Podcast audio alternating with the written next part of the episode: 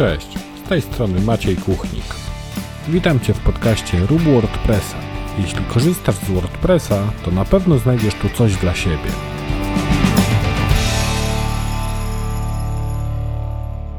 Cześć, witaj w 62. odcinku podcastu Rób WordPressa.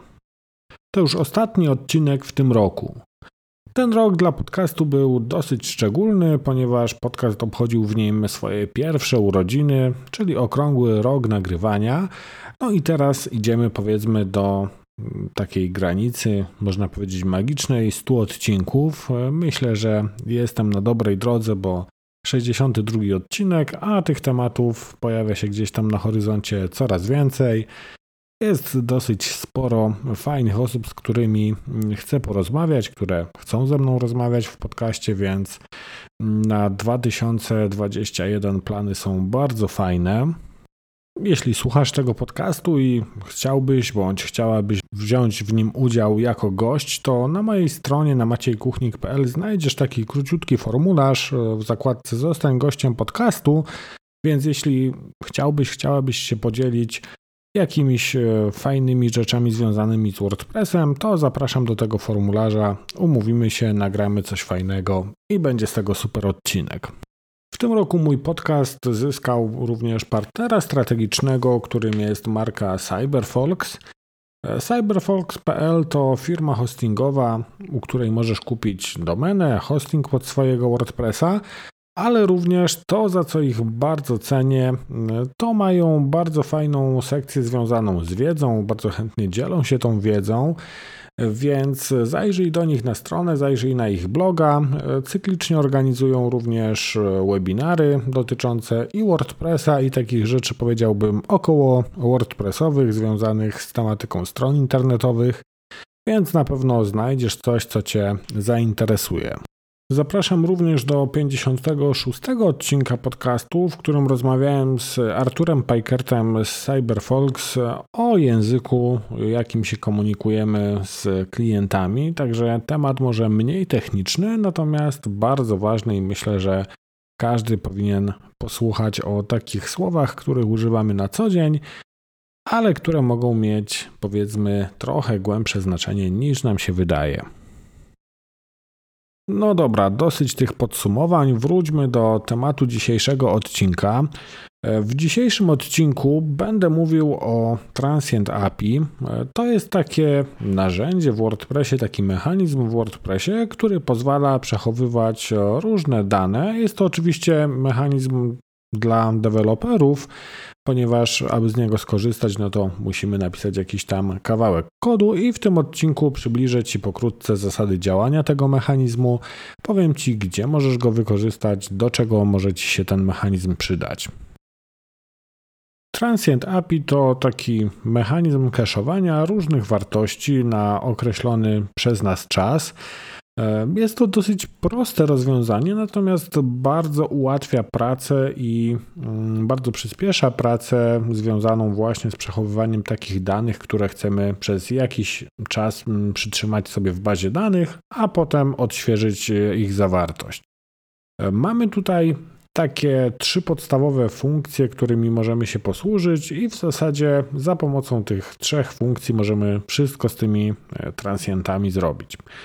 Mamy funkcję setTransient, y, która przyjmuje trzy parametry. Nazwę, czyli taki można powiedzieć klucz, pod jakim będzie przechowywana y, dana wartość.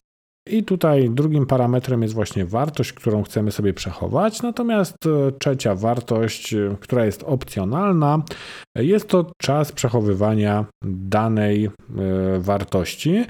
I tutaj, jeśli nie podamy żadnego zakresu czasowego, to domyślnie mamy tutaj ustawione 0, czyli ten transient nigdy nie wygaśnie, więc dopóki go ręcznie nie usuniemy, ręcznie czy z poziomu kodu, no to on zawsze będzie zwracany.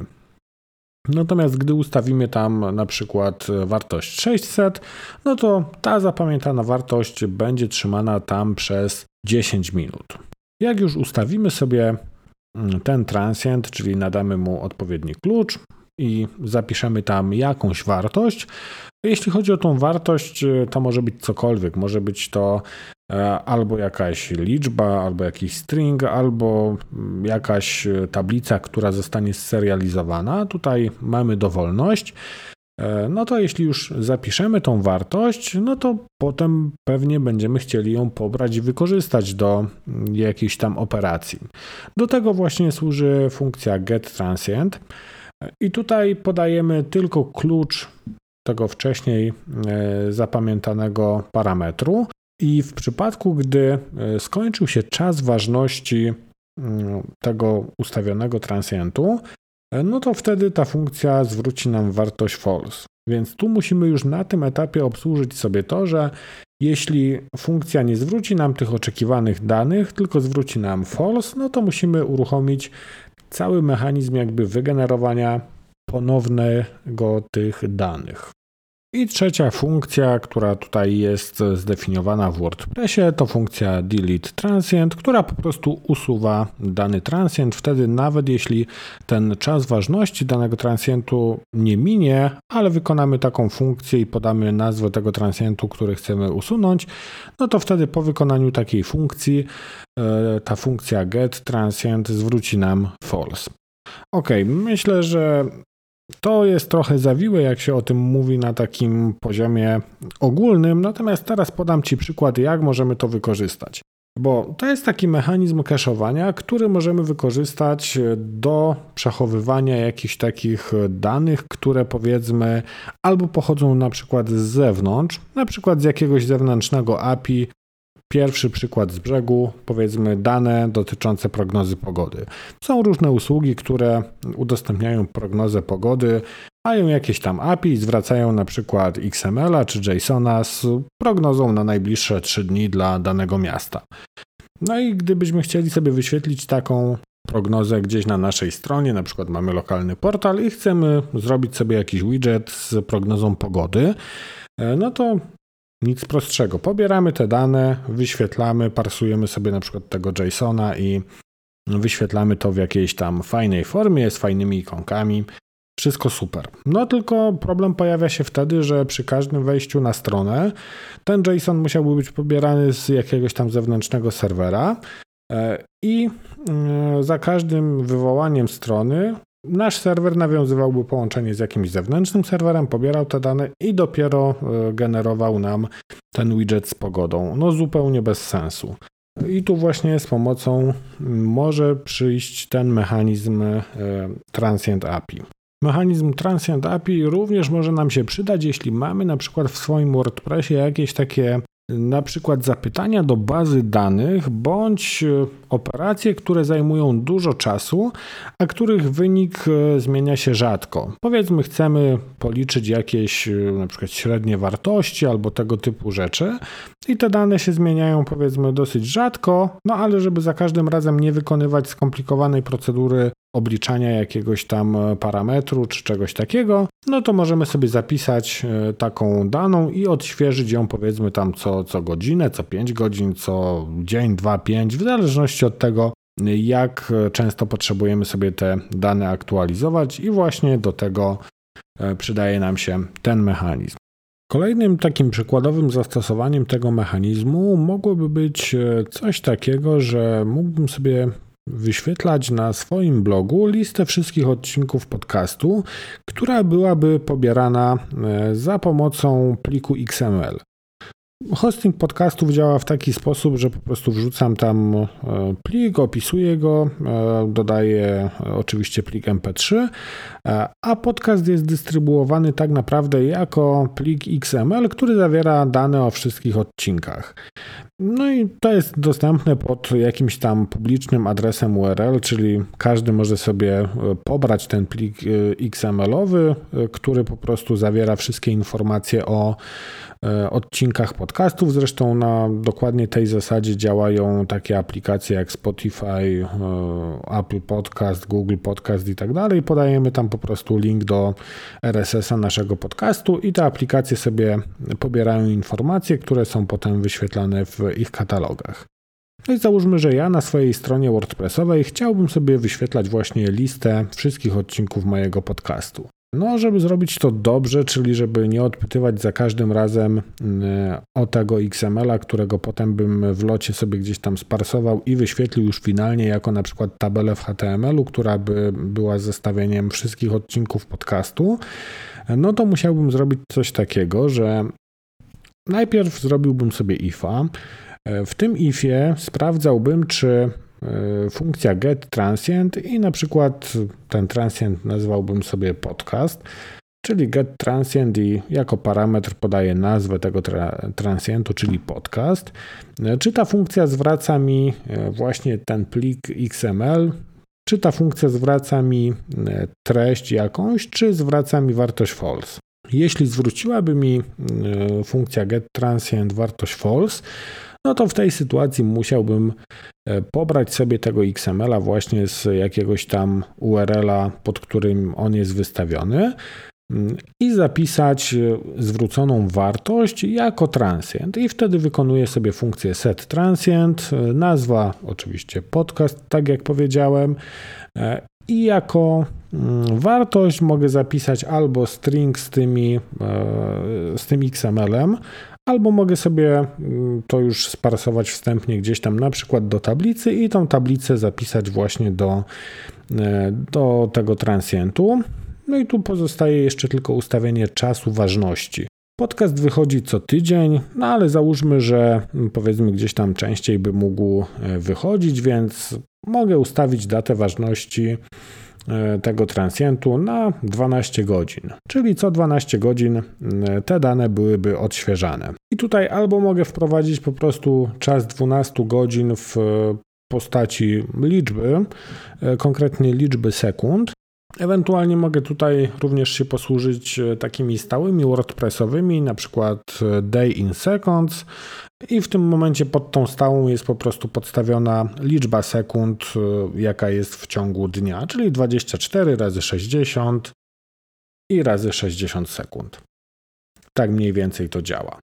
Jeśli taka procedura się wykona, wykonam sobie tą funkcję set transient, no to teraz przez 12 godzin, jeśli ustawiłbym właśnie ten czas na 12 godzin, no to przez 12 godzin od wykonania tego set transient funkcja getTransient będzie mi zwracała właśnie tego XML-a, którego sobie zapisałem wcześniej, e, a nie będzie zwracała wartości false. Natomiast po 12 godzinach, czyli na przykład tam 12 godzin i 10 minut, e, funkcja zwróci mi już false i znowu tutaj się wykona ta instrukcja, która mi pobierała dane z zewnątrz, zapisywała do transientu na kolejne 12 godzin i znowu przez 12 godzin te dane byłyby wyświetlane po prostu bezpośrednio z bazy danych WordPressa, a nie byłyby pobierane z zewnętrznego serwera.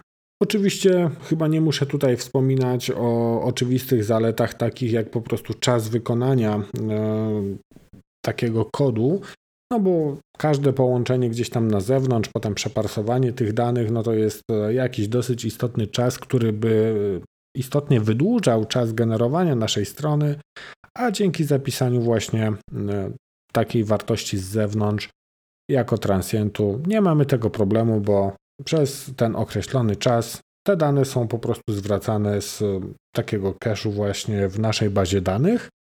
A jeśli ten czas, który zdefiniowaliśmy, minie, no to wtedy wykonuje się cała procedura odpowiedzialna za pobranie tych danych z zewnątrz. Tutaj dzięki temu, że mm, też ten cały mechanizm, można powiedzieć, sprowadza się do trzech funkcji, e, to ma tą zaletę, że praktycznie możemy sobie dowolnie oprogramować e, przygotowywanie, opracowywanie tych danych, e, które chcemy sobie zapisać potem finalnie jako ten transient. I tutaj niezależnie, czy to jest na przykład jakaś wartość zwrócona przez choćby WP Query, czyli na przykład wyciągnięcie jakiejś tam E, postów e, z bazy danych, czy to jest jakieś zapytanie do jakiegoś zewnętrznego API, czy może jeszcze jakaś tam inna wartość, której wyliczenie, pobranie, wygenerowanie zajmuje po prostu dużo czasu. Mamy tutaj pełną dowolność, nie musimy się e, o nic martwić. To jest dosłownie jeden if, którego musimy użyć i to działa. Oczywiście, gdybyśmy musieli odświeżyć wcześniej te dane, które są zawarte w tym e, cache'u, tak można nazwać e, ten mechanizm, no to możemy się posłużyć funkcją delete transient, gdzie po prostu podajemy tylko nazwę tego transientu i jego zawartość jest usuwana. I wtedy przy mm, próbie pobrania tej wartości ponownie wykona się ta procedura e, pobrania na przykład tych danych z zewnętrznego API i potem oczywiście już będzie wyświetlana ta wartość z naszej bazy danych. Czasem przychodzi również potrzeba wyczyszczenia jakichś e, danych, które są z zewnątrz, które są przechowywane właśnie w transientach, bo na przykład jakaś tam wtyczka korzysta z tych transientów i widzimy, że coś tam nam działa nie tak, jak potrzebujemy, e, no to tutaj mamy kilka metod. Możemy sobie zajrzeć na przykład do bazy danych, bo te wszystkie transienty przechowywane są w bazie danych w tabeli opcji. E, jeśli nie chcemy grzebać gdzieś tam bezpośrednio po bazie danych, możemy się wspomóc e, na przykład wtyczką Transient Manager. Dzięki tej wtyczce podejrzymy sobie po prostu transienty, jakie mamy zdefiniowane w bazie danych, czyli jakie transienty przechowuje nasz e, WordPress i oczywiście tutaj możemy sobie również e, usunąć takie transienty, czyli tak naprawdę wyczyścimy sobie e, ten cache. Bardzo podobną rzecz możemy sobie zrobić e, za pomocą WPCLI, czyli tego narzędzia do zarządzania WordPressem z poziomu konsoli, więc możemy sobie wyświetlić listę, możemy sobie wyczyścić wszystkie te transienty. E, to się gdzieś tam często przydaje, jeśli na przykład chcemy zdebagować jakiś tam problem, coś nam zwraca powiedzmy jakieś dane, które nie do końca były przez nas oczekiwane, no to wtedy wtedy możemy użyć e, właśnie takiego czyszczenia transientów, aby odświeżyć sobie takie dane, które gdzieś tam są przechowywane właśnie w, w tym mechanizmie. Także bardzo fajny mechanizm, bardzo polecam, bo pamiętam, że mm, gdzieś tam na początku mojej przygody z WordPressem e, no, miałem podobny przypadek, że potrzebowałem właśnie przechować jakąś daną z zewnątrz, z jakiegoś tam zewnętrznego serwisu, E, oczywiście no nie chciałem odpytywać e, tego API za każdym razem, bo raz, że mm, tak jak powiedziałem już wcześniej, generuje to jakiś tam dłuższy czas ładowania się strony, no a dwa też obciążamy tą stronę źródłową, z której pobieramy to, te dane, no bo jeśli na przykład mamy dosyć popularną stronę, e, która ma dużo wejść, no to za każdym wejściem również obciążamy ten serwer źródłowy, i wtedy, z tego co pamiętam, implementowałem jakieś takie podobne rozwiązanie. E, można powiedzieć, działało no niemalże tak samo, bo był właśnie tam założony jakiś timeout, po którym te dane były ponownie pobierane. Ale no to jest takie właśnie mm, wyważanie trochę otwartych drzwi, czy wymyślanie koła na nowo. Zresztą o tym też mówiliśmy w e, poprzednim odcinku podcastu, w 61 odcinku, w którym rozmawiałem z Marcinem Pietrzakiem na temat takich dobrych praktyk przy programowaniu. Więc e, możesz wrócić sobie, jeśli nie słuchałeś jeszcze tego odcinka i posłuchać, e, o czym tam rozmawialiśmy. Właśnie mówiliśmy też o tym, aby korzystać z takich natywnych mechanizmów WordPressa, a tak jak wspomniałem, to jest dosyć prosty mechanizm, ale bardzo użyteczny i bardzo często z niego korzystam, aby e, też właśnie zapewnić większą wydajność, jeśli mam na przykład jakieś zapytania, które są kosztowne pod kątem czasu ich wykonania, a, nie zmienia, a ich wynik nie zmienia się jakoś tam e, specjalnie często, no to to jest idealne narzędzie, aby użyć go właśnie w, w swoich wtyczkach czy w swoich motywach. W notatkach do tego odcinka podlinkuję Ci e, dokumentację e, z kodeksu WordPressa. E, tam znajdziesz przykłady kodu, które myślę też dużo rozjaśnią Ci, jak możemy tego użyć. Daj znać w komentarzu na maciejkuchnik.pl łamane na 062, czy zdarzyło Ci się kiedyś używać Transient API, czy może tego typu rzeczy rozwiązujesz w jakiś inny sposób. Mam nadzieję, że Transient API przyda Ci się kiedyś w Twoich projektach, a tymczasem żegnam się z Tobą w tym ostatnim odcinku w roku 2020 i do zobaczenia w 2021. Do usłyszenia. Cześć.